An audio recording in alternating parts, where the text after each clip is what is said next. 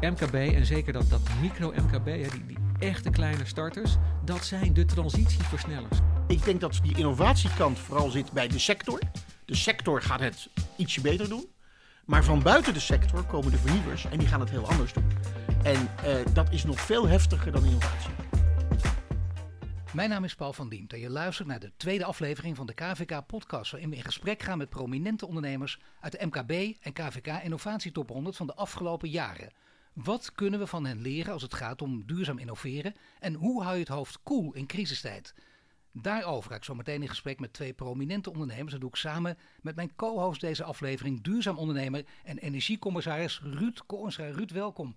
En zeg het maar, met wie gaan we praten? Ja, nou, dat is, wordt een hele mooie aflevering, want we hebben Jeroen Willemsen. Die, uh, die ken ik uh, uit de tijd dat hij volgens mij de eerste was die in de wereld begon met vleesvervangers die ook nog te eten waren. En Maurits Groen, um, ja, ja, hij heeft eigenlijk geen introductie nodig, maar de man die het licht bracht met Wakka Wakka. En nu een vriendelijke, vrolijke, um, gezonde, blije kip eieren laat leggen met kipster. Zo, het heeft een beetje met elkaar te maken bij die onderwerpen. Nou, we kijken er naar vooruit. Hè. Ruud, je bent als we elkaar maar niet opvreten, die mannen zo. Nee, dat, is, nou, dat zou ik juist zo mooi vinden. Jij bent, je bent voorzitter van de KVK Innovatie Top 100 jury. Je buig je ook dit jaar dus weer over de deelnemers. De ondernemers die we vandaag spreken zijn twee ondernemers die je dus allebei goed kent. Dat blijkt ook. Hè. Maar wat hoop je van hen te leren? Um, nou, het zijn twee uh, ondernemers die echt disruptief zijn. Je hebt dus partijen die het altijd um, gingen innoveren. Dus die gingen dat wat ze doen een beetje beter doen. En uh, deze mannen um, uh, gingen het anders doen. Dat heet disruptie, dat is vernieuwing. Ja. En daar zit wel een verschil. En ik denk dat die innovatiekant vooral zit bij de sector. De sector gaat het ietsje beter doen. Maar van buiten de sector komen de vernieuwers en die gaan het heel anders doen. En dat is nog veel heftiger dan innovatie.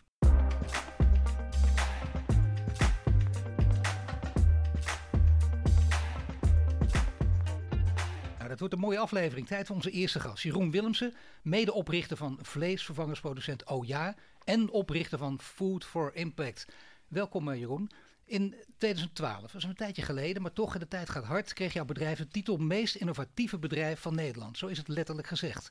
En drie jaar later neem je afscheid van je bedrijf om je missie als eiwitcommissaris, hè, want zo noemt Ruud jou voortdurend. de nationale eiwitcommissaris. Ja, zeker. Nee, je bent hem ook dankbaar voor, zie ik ook. Heel mooi natuurlijk. Hè, om, om die missie voor te zetten met Food for Impact. Uh, hoe zou jij zelf die rol als eiwitcommissaris, hoe zou je die zelf willen omschrijven? Ja, allereerst even een hele kleine correctie, want we hebben het al eerst eens over vleesvervangers.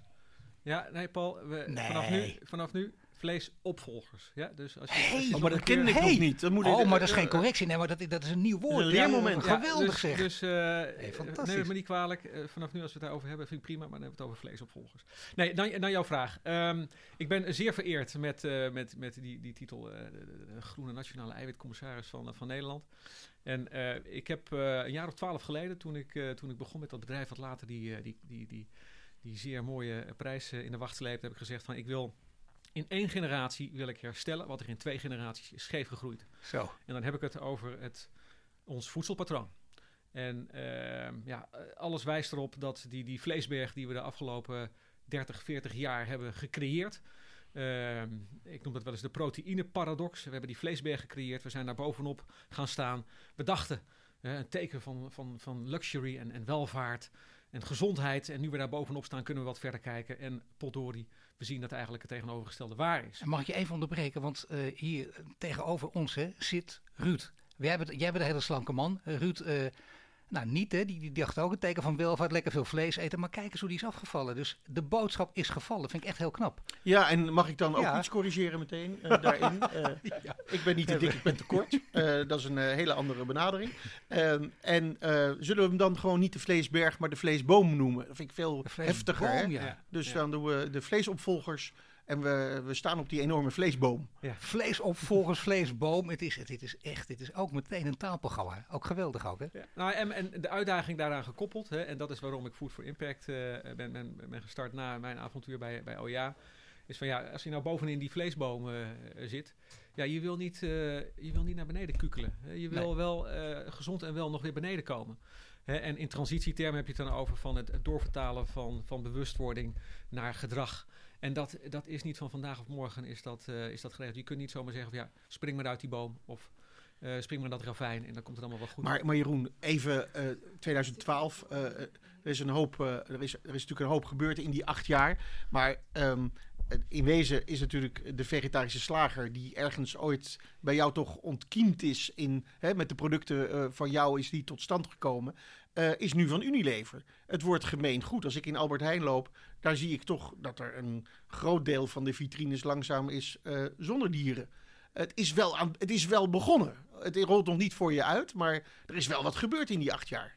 Nou, het, het, is niet alleen begonnen, het is echt wel nu. Uh, op de het kar. Is, op, het is echt veel meer dan een hype dat het toen was. Kijk, ik, ik, weet nog in die tijd inderdaad.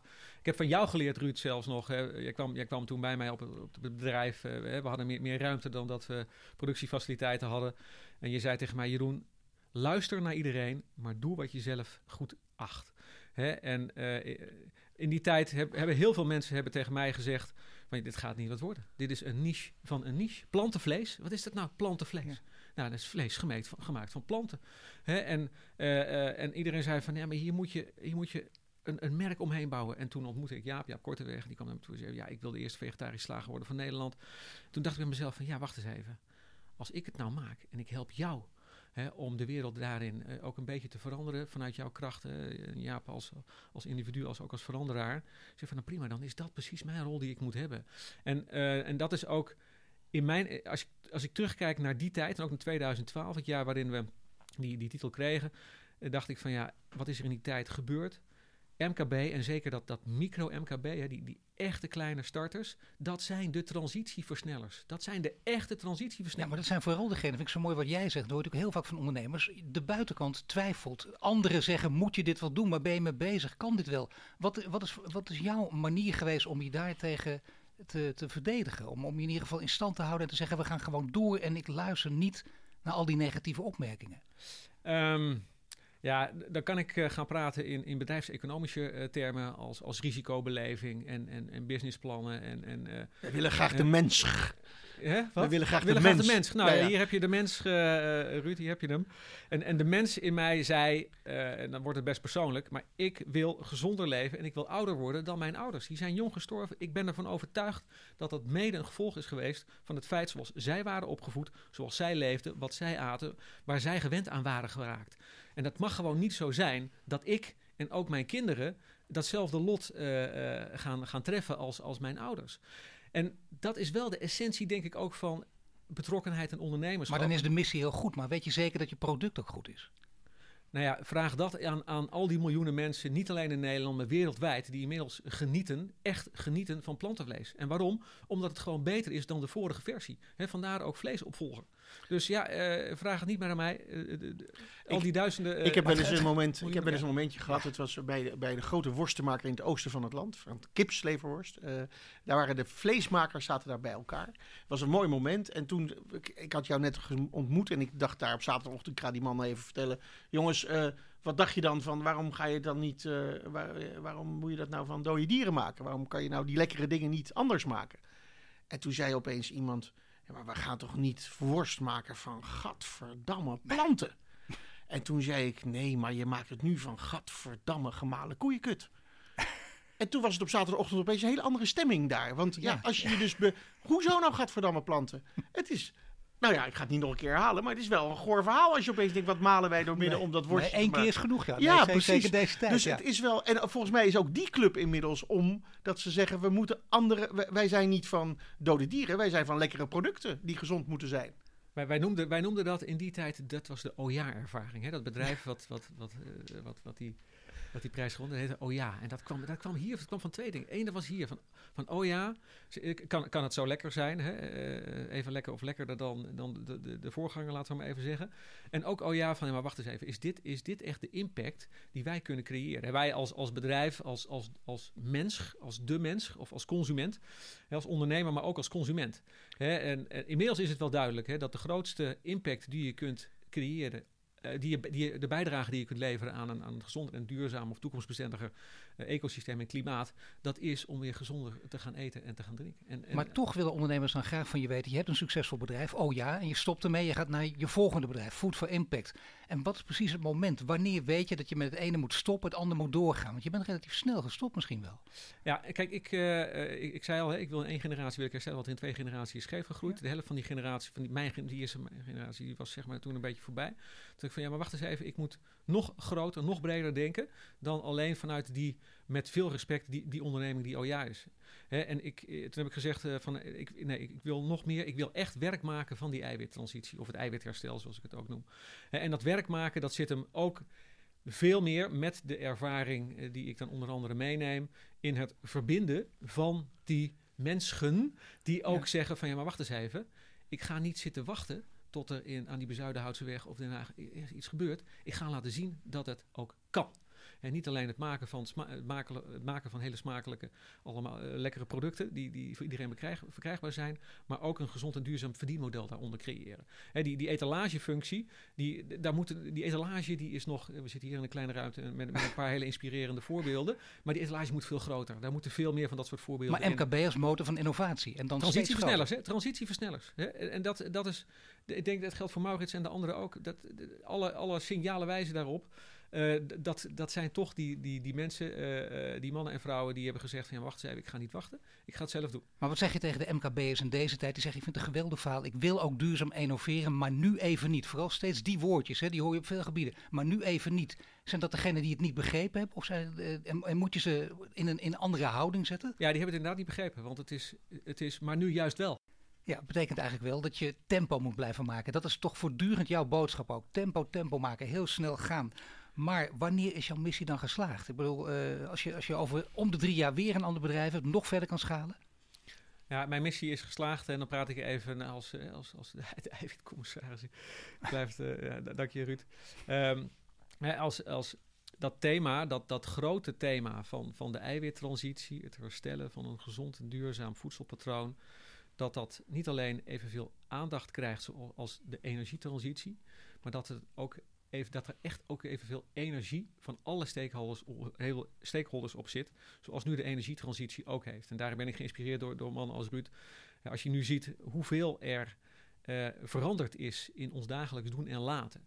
Eh, vanuit het perspectief de bewustwording hoe belangrijk het is, de, dat thema van de energietransitie. En wat je kunt doen als individu.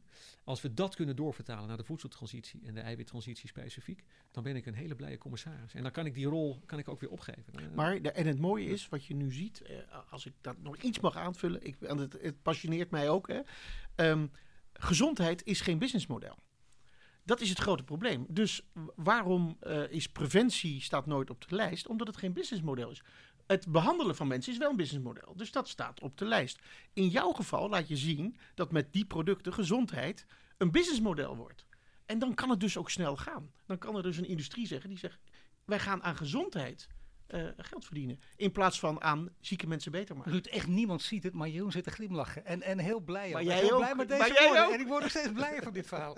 Ik dank je hartelijk. Jeroen Willemsen, medeoprichter van Vlees, opvolger OJA en oprichter van Food for Impact. Dank je wel.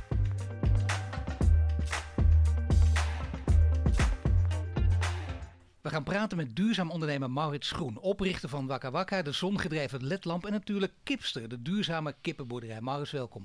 Dankjewel. Ja, Kipster is de meest milieu- en diervriendelijke kippenboerderij ter wereld. Ehm, en dat is althans wat jij stelt. Het is ook Niemand waar, heeft het. eh, Niemand we nodigen tegen, iedereen uit om het tegendeel te bewijzen, maar het blijft al drie jaar stil. Ik ben ze nooit tegengekomen, nee. Dus het is gewoon waar. Eh, waar wat moeten we ons daarbij voorstellen? Ja, dat begint bij eh, het, het voer van dieren. We kappen het Amazonegebied om om soja te verbouwen. Dat gaat dan met vieze schepen hier naartoe. Dat stoppen we dan in die kippen. Dan veroorzaken we hier fijnstof, stikstof, ammoniakproblemen. De dieren zijn niet altijd even, Ja. Ja, zijn niet altijd even happy. Eh, terwijl eh 100 jaar geleden bestond er in de hele wereld geen enkele kippenboer. Omdat die kippen hun eigen kostje bij elkaar scharrelden. Ja, en die eh, eieren. Die dat wil kan je- niet meer. Nee, Nee. maar, maar- Nou, Dus-. Wij, willen graag eh, eieren eten. Som- Sommige mensen willen kip eten. We kunnen in Amsterdam geen 350.000 kippen eh, vrij rond laten lopen. Dus wij scharrelen voor die dieren. Zonder dat wij het Amazonegebied om hoeven te hakken. We gebruiken alleen maar reststromen. Er zijn er heel veel van, van bakkerijen, van supermarkten, van noem het maar op. Dat echt Dat zijn honderdduizenden tonnen per jaar. Dus wij voeren ze datgene wat ze vroeger zelf bij elkaar scharrelden. Geldt trouwens ook voor varkens. Dus daar begint het mee. De haantjes worden niet op dag één, nadat ze het ei komen, zeg maar om zeep geholpen door ze in de CO2 te dopen of door de hakselmachine te halen. Wat gelukkig in Nederland niet meer gebeurt, maar elders wel degelijk. Of gewoon levend begraven, wat elders ook nog gebeurt. Dat gebeurt niet. Vervolgens hebben ze een fatsoenlijk leven. Ze kunnen naar buiten, ze hebben, ze hebben licht. De lucht is goed. Ze zitten niet in hun eigen ammoniakstront rond, rond te ban- banjeren. Dus, ehm, en zo kan ik nog wel een tijdje doorgaan. Eerste klimaatneutrale kippenboerderij ter wereld. Wij dachten, we moeten het niet verbeteren, wat Ruud net zei. We moeten niet innoveren. We moeten eens na gaan denken, hoe zou het er nou uitzien als we dan per se eieren en, en kippenvlees willen eten. Hè? En kip en ei, dat is de kleinste footprint als je het hebt over dierlijk eiwit. Ja. Als we dat dan zo nodig willen, en we hebben maar tien jaar de tijd om een klimaatramp te voorkomen. En binnen die tien jaar gaat niet de hele wereldbevolking vegetariër worden. Dus ik ben heel pr- principieel, maar tegelijkertijd ook heel pragmatisch. Hoe gaan we het dan goed doen? Dus even helemaal terug. Hoe heruitvinden we die kippenindustrie? Jullie hebben vier boerderijen, eh, drie kipse boerderijen, één rondeelboerderij. Eh, kun je nog veel meer uitbreiden in Nederland? Nou ja, kijk, het is zo. eh, er zijn in Nederland eh, 45 miljoen legkippen en pakweg 45 miljoen eh, eh, plofkuikens, zou ik maar zeggen. Dus 90, 90 tot 100 miljoen, dat hangt er een beetje vanaf. Meer mogen er niet bij komen. Dus als jij een nieuwe kipster wil starten, dan moet je eerst een oude boer die failliet gaat of ermee ophoudt of wat dan ook, moet je uitkopen. Hè? Pluimveerechten. Idioot is een legklare kip, om het zo maar even onbeleefd te zeggen. Hè, die kost pakweg 5 euro. Het recht om die kip die eieren te mogen laten leggen, kost pakweg 20 euro. Bizar systeem. Ja. Maar dat betekent wel dat er niet meer kippen bij mogen. Dus op het moment dat wij kunnen uitbreiden, wat ik heel graag wil, eigenlijk wil ik dat dit gewoon de standaard wordt. En niet omdat dat zo nodig onze boerderij moet zijn, maar waarom zou je niet een kippenboerderij hebben? Maar die jij zegt systeem. goede- Ik vind het heel interessant. Als je bij- hij zit te googelen. Een kip of een ei kostte vlak na de Tweede Wereldoorlog qua productiekosten ongeveer net zoveel als vandaag. Ja, dat is heel grappig. Alleen in de winkel Ja, is, is het ongeveer eigenlijk. 10, 20 keer duurder geworden. Even denken. De kip is daar niet beter op geworden. De boer is er niet beter van geworden. Ja. Ehm, eh, de natuur is daar niet beter op geworden. Consumenten ook niet? De consument ook niet. Maar hij is wel eh, 20, 30 keer duurder. Wacht nou even. Wat gebeurt hier nu? En eh, ja, we hadden het net over de Bezuidenhoutse weg. Ehm, we, we moeten die keten dus transparant maken. Absoluut. Ja, Eh, dat proberen we te doen. Ja, ja. We zijn naar Lidl toegestapt. Ik kan ze niet genoeg prijzen, want wat zij gedaan hebben is eigenlijk totaal uniek in die supermarktwereld. Ze hebben een handtekening gezet onder een contract met mij, met Ruud, Ruud van Sanders, medeoprichter, voor de levering van 40 miljoen eieren voor vijf jaar voor gegarandeerde goede prijs. Gegarandeerd in de zin van als de voerkosten extreem hoog of laag zijn, dan gaan we elkaar compenseren. Dus het is een partnerschap, niet een contract, waarbij je zoveel mogelijk naar jezelf probeert toe te halen. Heeft een contract getekend voor 40 miljoen eieren, vijf jaar goede prijs. Van Ja, een mooi boerderij die nog niet bestond. Mooi, want Ja. het is, Lidl is uiteindelijk een, is een Duits bedrijf hè, in, de, in de oorsprong, een familiebedrijf. Familiebedrijf, ja. En die- dit is een feed-in eh, proces. Dus wat er in Duitsland, waarom Duitsland zo voorop loopt in de energietransitie, is eigenlijk wat die dit. Duitsers begrepen. Ja. Is namelijk, je, moet- als je nou dat vooruit met elkaar afspreekt, dan kan je dus, dan kan je dus de innovatie stimuleren. En dat is wat hier, of die vernieuwing, dat is dus wat deze man, die zetbaas is van een groter concern, Nou, nee, nee, hij heeft die had natuurlijk wel. In Nederland heeft hij echt vrijheid van handelen, zolang hij hier goede zwarte cijfers laat zien. ja, ja, maar hij Zo kan dit wel uitleggen aan de, aan de Duitsers, omdat ze het daar op het gebied van energie gedaan hebben. Maar eens buiten Europa gaan kijken? Misschien ben ik verkeerd geïnformeerd, maar corrigeer me dan. Maar volgens mij gaan jullie ook eh, in Amerika boerderijen Ja, neerzetten. v- als het goed is in september, als het goed is, gaan we ehm, twee nieuwe kipselboerderijen bouwen. Zodra ze open zijn, gaan we er nog twee bij bouwen. En dan gaan we gewoon door. Ja, heel veel mensen denken, wacht even, het is in Amerika, kan het allemaal wel? Er kwam toch een pandemie tussendoor en die is nog, nog steeds niet uitgewoed. En eh, nou, verschillende eh, Ja. perspectieven eh, lonken, eh, soms negatief, soms positief. En toch zeg je, dit plan kan wel. Ja. Hoe kan het dan dat jij daar zo zelfverzekerd over kan zijn dat andere ondernemers, eh, die, die willen dat dan ook graag van jou weten. Van, nou, hem lukt het wel. Ik, ik durf dat nog niet van stap te zetten. Juist nu niet. Waarom zeg jij juist nu wel? Nou, we hebben twee jaar.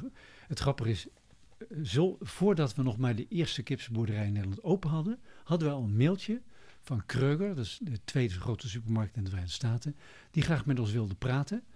En heel grappig, die hadden de interne directie mailstring eh, die eraan vooraf ging, eh, vergeten eraf te knippen. Dus we wisten precies hoe zij over ons dachten. Ze wilden ons namelijk heel erg graag. Ze wilden zelfs beginnen met 15 boerderijen tegelijk. Nou, dat was ons een beetje te veel. We hadden nog niet eens de, de eerste boerderij in Nederland open. Maar goed, vanaf dat moment zijn we gaan praten. Dat is een kleine drie jaar geleden. Ehm, en ja, dan moet je heel veel uh, uitzoeken van uh, waar halen we dat voer vandaan. Want ook daar gaan we natuurlijk niet speciaal voer verbouwen. We willen het hele principe handhaven. Uh, de, alle airco-systemen moeten goed zijn. De stofzuiveringssystemen moeten goed zijn. De afzet moet goed, gewoon alles moet goed zijn. En dat is aan de andere kant van de oceaan. Dus daar ver, dat vergt nogal wat over afstemming. We zijn er ook een paar keer Daarom. geweest om dat met hen te bespreken. Maar op dit moment is het gewoon papierwerk en het voorbereiden van de bouw. En we gaan daar in Maar, maar je hebt geluk gehad dat je dus inderdaad voor corona dit hebt kunnen voorbereiden. Ja, dus je hoeft er niet zeker. meer naartoe te vliegen. Dat is geregeld. Ja. En dichterbij in, in België willen ze je ook graag hebben. Heb je ook een afnamecontract. Alleen daar is nog geen plek. Hoe zit het dan precies? Ja, klopt. Ja, dat is heel raar. We hebben al 2,5 jaar een contract met Lidl België. Die alle eieren van, de van onze boerderij wil afnemen. Voor vijf jaar, net als in. Nederland. Eh, we hadden een, bijna een vergunning in eh plaatsje Peer. Het ging op het allerlaatste moment niet door. Belgische politiek kan soms heel grillig zijn. Ja. Dus wij zijn nu aan het zoeken naar een locatie of een boer die dat wil doen. Want we hebben alle eieren al verkocht voor de komende vijf jaar. Heel bizar eigenlijk. Ik, ik hoor jou praten en ik, wij kennen elkaar al heel lang. En je bent een, eh, een bevlogen ondernemer met een missie. eh, en jij zei een paar jaar geleden dat je kippenboer werd. Dat vond Ja. ik altijd wel... eh, ik moest ik daar... zelf ook niet geloven. Nee, en ik, eh, dat dachten ze bij mij met ledlampen en al die dingen ook altijd van. Daar heeft hij helemaal geen verstand van. Maurits, dat even... heb ik ook niet, hè? Nee, dat wou ik net zeggen. Hoe doe je dit als ondernemer? Want het, eh, ik ben altijd voor niet gehinderd door enige voorkennis erin te duiken. Want dan stel je de goede vragen. Ja, maar jij moet exact. een compagnon hebben Ja, die er wel verstand van heeft. Jij komt net als ik veel mensen tegen. En van de honderd, bij wijze van spreken, die je tegenkomt, heeft, is er één die echt een goed idee heeft. Die echt de mogelijkheid, de skills heeft of wat dan ook om in, een disruptie te veroorzaken. En als ik, hey, geldt voor jou ook, met waterstofkorrels of waar je ook allemaal mee bezig bent geweest. Dan herken je zo iemand en dan ben je bereid om de capaciteit die je zelf hebt in te zetten om de mogelijkheden van iemand die dat werkelijk kan doen, om die te helpen dat daadwerkelijk te realiseren. En Ruud Sanders, die al met zijn vader en zijn grootvader, die weet alles van kippen. Ik denk dat hij de grootste, tot 2008, de grootste pleinveerondernemer van Nederland was. Omzet 55 miljoen. Nou, Op de ouderwetse manier. Op de ouderwetse manier. Ja. Die is toen failliet gegaan vanwege het systeem waar die in zat. Het, het, agrarische systeem met de, met de financiering waar we het net over hadden. Die dacht, ik moet het gewoon heel anders aanpakken. Op dat moment kwam ik hem tegen. Nou, ik heb wel ideeën over de wereldvoedselvoorziening en zo nog een paar van die dingen. Dus wij zijn veel koffie gaan, gaan drinken. En op een gegeven moment zei Ruud van, ja, dit is een fantastisch verhaal. Maar eh, het, ik vind het ongelooflijk moeilijk om te zeggen dat dit alleen maar van de grond kan komen. Juist vanwege het feit dat kippenboeren, dat is een marginale business vaak, eh, alleen maar van de grond kan komen als we van tevoren een afnamecontract hebben voor alle eieren voor een fatsoenlijke prijs. Toen zei ik bingo. Je bent uit op impact, je bent uit op schaalvergroting. En dan kijk je misschien wel naar, eh, naar anderen, bijvoorbeeld vegetarische slager, die met Unilever samenging. Fantastisch. Mensen fronsen weer een wenkbrauw, maar kijk eens even, dat was nodig. Volgende Ja. stap. Is zo'n stap voor jou, voor jullie ook denkbaar? Zeker. Kan, de, kan het een bedrijf ter grootte in de orde van Unilever zijn? Ja, natuurlijk. Waarom niet? Sterker nog, we, we, we praten al jaren met Unilever, want die hebben nou mayonaise, daar gaat eieren in. Hè, eh, Calvé, Helman, et cetera. Maar ze krijgen het gewoon niet voor elkaar om een aantal redenen. Omdat voor, me- dus wij blijven daar En waarom doorgaan. niet? eh, waarom niet? Eh, krijgen ze het niet voor elkaar? En het is eigenlijk een, vrouw- een vraag die Paul Nou. had willen stellen. Nee, nee. nee ja, ga je gang. Nou, een aantal. Om te beginnen eh zei van ja, maar jullie hebben maar één boerderij. En we hebben schaal en eh, verzekering nodig. Ik zei ja, als we een partnerschap schap gaan sluiten, net als bij, met, met Lidl. Ja. Als jullie zeggen wij De willen kip en ei eh, verhaal. Kip-ei verhaal. Ja. Kip-ei verhaal. Dan gaan we dat doen. Jullie moeten vertrouwen hebben in het, in het feit dat we dat Ja. kunnen. Ja. Nou, dat hebben we nu laten zien. Hè? Een aantal boerderijen. Maurits, het gaat over duurzaam innoveren. En omdat jij dat kan, vraag ik het ook juist aan jou hè, in één zin. Wat kunnen andere ondernemers hiervan leren? Als je overtuigd bent van, eh, van de juistheid van de principes waarop je een product of een dienst wil aanbieden. Precies wat je zegt, luister naar anderen, maar ga gewoon door en volg je eigen hart. En never give up. Dankjewel, Maurits Groen, Forever Young en medeoprichter van Kipster. Dankjewel. Dankjewel. Ruud, en welke lessen zouden de MKB-ondernemers moeten halen? Ik vraag het ook aan jou, uit, uit uh, de verhalen van de ondernemers die we vandaag gehoord hebben. Uh, ja, het, het woord uh, upteamen is wel heel fijn. Wat je, ja. Dus zoek met elkaar je beste team. zoek die mensen bij elkaar. de vegetarische slager die, die het kon vertellen. Verhalenvertellers die het, die het punt in de verte schetsen. Die het einddoel neerzetten. En zoek ook je teamgenoten verder in de wereld. Dus MKB'ers zijn niet uh, eigenheimers. Dat zijn aardappels trouwens. Maar MKB'ers zijn geen eigenheimers die niet willen samenwerken met grote bedrijven. Laat die grote bedrijven nou zien dat die vernieuwers, dat die juist zitten bij dat MKB en dat ze vrienden zijn van elkaar. Dit, dat ze met elkaar kunnen upteamen. En dat dat kip-en-ei verhaal, wat, waar we het nu net even over hadden, dat dat zo mooi uitkomt dat er was iemand, een ondernemer, iemand met lef bij een multinational Lidl. En die zei, doe maar. En toen kon Maurits van start. En hij vraagt nu hetzelfde aan Unilever. Kom, kom mee dat punt in de verte en ga even achter elkaar staan. En dat, dan heb je de beste vrienden en dan is het de expeditie geworden. En dan leer je van elkaar. Ik vind dat jij het echt fantastisch deed. Ik heb ook van jou geleerd, ook als co-host. Echt geweldig. En toch volgende keer hebben we een andere co-host. En dan gaan we praten over digitalisering. Welke vraag zou je mijn volgende co-host over digitalisering willen voorleggen? Ja, ik zou mijn hart onder de riem willen steken. Of haar. Um, dat digitalisering is meten, is weten. En duurzaam wordt altijd gezien en ondernemen als in subjectieve dingen. Maar hoe meer we dingen kunnen meten, hoe meer blijkt dat een uh, verandering, een vernieuwing op het gebied van duurzaamheid geld oplevert, gezonde mensen leeft, een mooier leven krijgt. Dat zijn allemaal meetbare dingen. Laten we die data gebruiken om te meten, om de juiste beslissingen te nemen. Hartelijk dank Ruud Koornstra, duurzaam ondernemer, voorzitter van de KVK Innovatie Top 100 Jury. En wil je nu ook meedoen aan de KVK Innovatie Top 100, meld je dan aan via kvkinnovatietop100.nl. Dank voor het luisteren en tot de volgende keer.